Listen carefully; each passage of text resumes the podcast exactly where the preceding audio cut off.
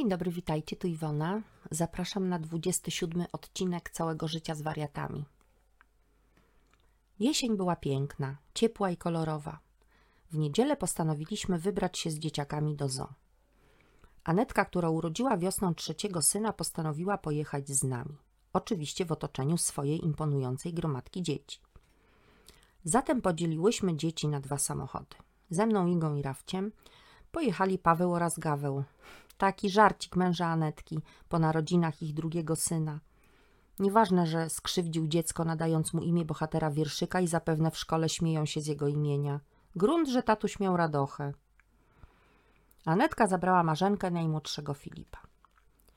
Pomimo, że zoo nie jest moim ulubionym miejscem relaksu, z uwagi na zamknięcie zwierząt oczywiście, to jeździmy tam czasem, bo jest ono pięknie położone. Las, mnóstwo zieleni, zadbane alejki. Po prostu magia. Tym razem zwierzaki korzystały z jesiennego słońca i wygrzewały się na wybiegach. Najmłodsze dzieci Anetki co chwilę piszczały z radości, a starsze na czele z Igą opowiadały im o zwierzętach. Po drodze kupowaliśmy frytki, lody i zajadaliśmy się nimi. Dzieci oblepiły sobie buzię słodką watą cukrową, która zawsze będzie mi się kojarzyć z odpustami na wsi. Było przyjemnie.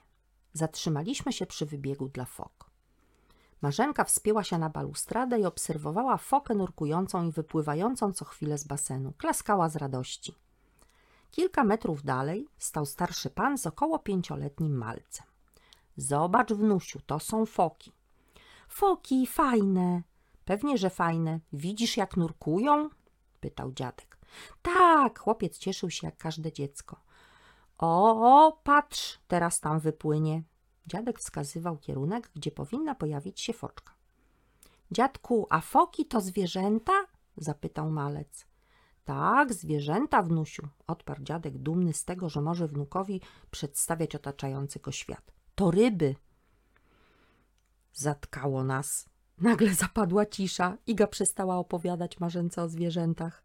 Mamo, szepnęła do mnie, przecież foka to nie ryba. Wiem, dziecko, ale może nie każdy ma taką wiedzę. Proszę pana, zawołała Iga do starszego pana obok, zanim zdążyłam ją powstrzymać. Pan chwycił wnuka za rękę, odwrócił się w naszą stronę. Pani mówi do mnie? zapytał zdezorientowany. Tak, proszę pana, odparła moja córcia. Foki to nie ryby, to ssaki.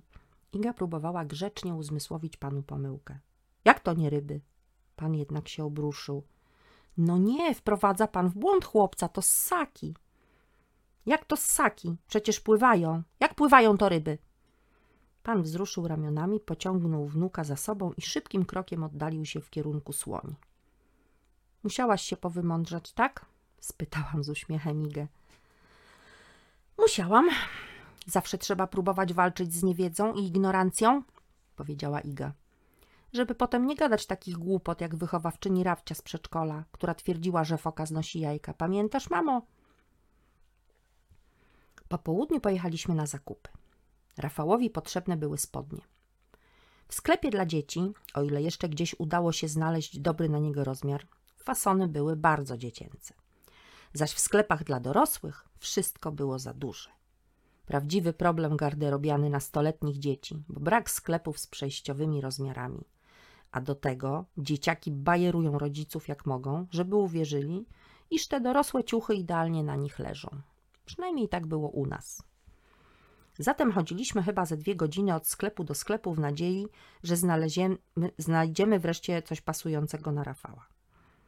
Czy mogę w czymś pomóc państwu? pytały naduprzejme ekspedientki w każdym ze sklepów. Niestety nie znajdę nic w tym rozmiarze. Odpowiadały zawsze tak samo i dziwiły się, gdy Rafałowi nie podobał się fason, jeśli jakimś cudem znalazły coś prawie na niego pasującego.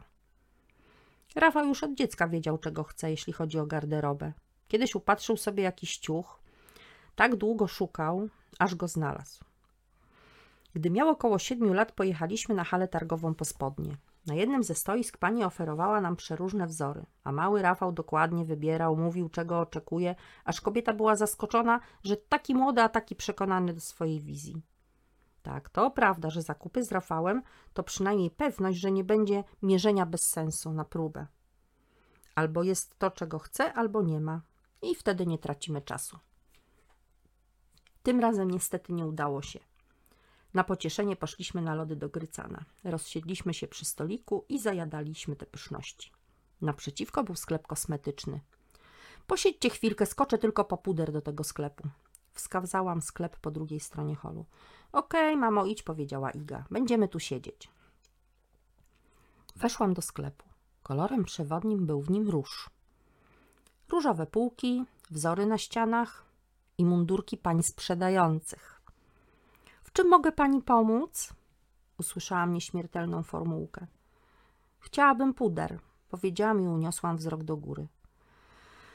O matko, zobaczyłam kobietę z plastikową maską na twarzy, oczami mocno podkreślonymi kredką i odblaskowymi ustami w kolorze różowym. Rozejrzałam się po sklepie. Kilka innych kobiet, równie sztucznych jak ich koleżanka, przechadzało się po nim, gotowych do pomocy każdemu klientowi jak jakieś roboty. I u wszystkich te agresywne, różowe usta. Poczułam się jak w horrorze. Za chwilę te porcelanowe lale rozpadną się na kawałki, a z ich wnętrza wypełzną obrzydliwi przybysze z kosmosu.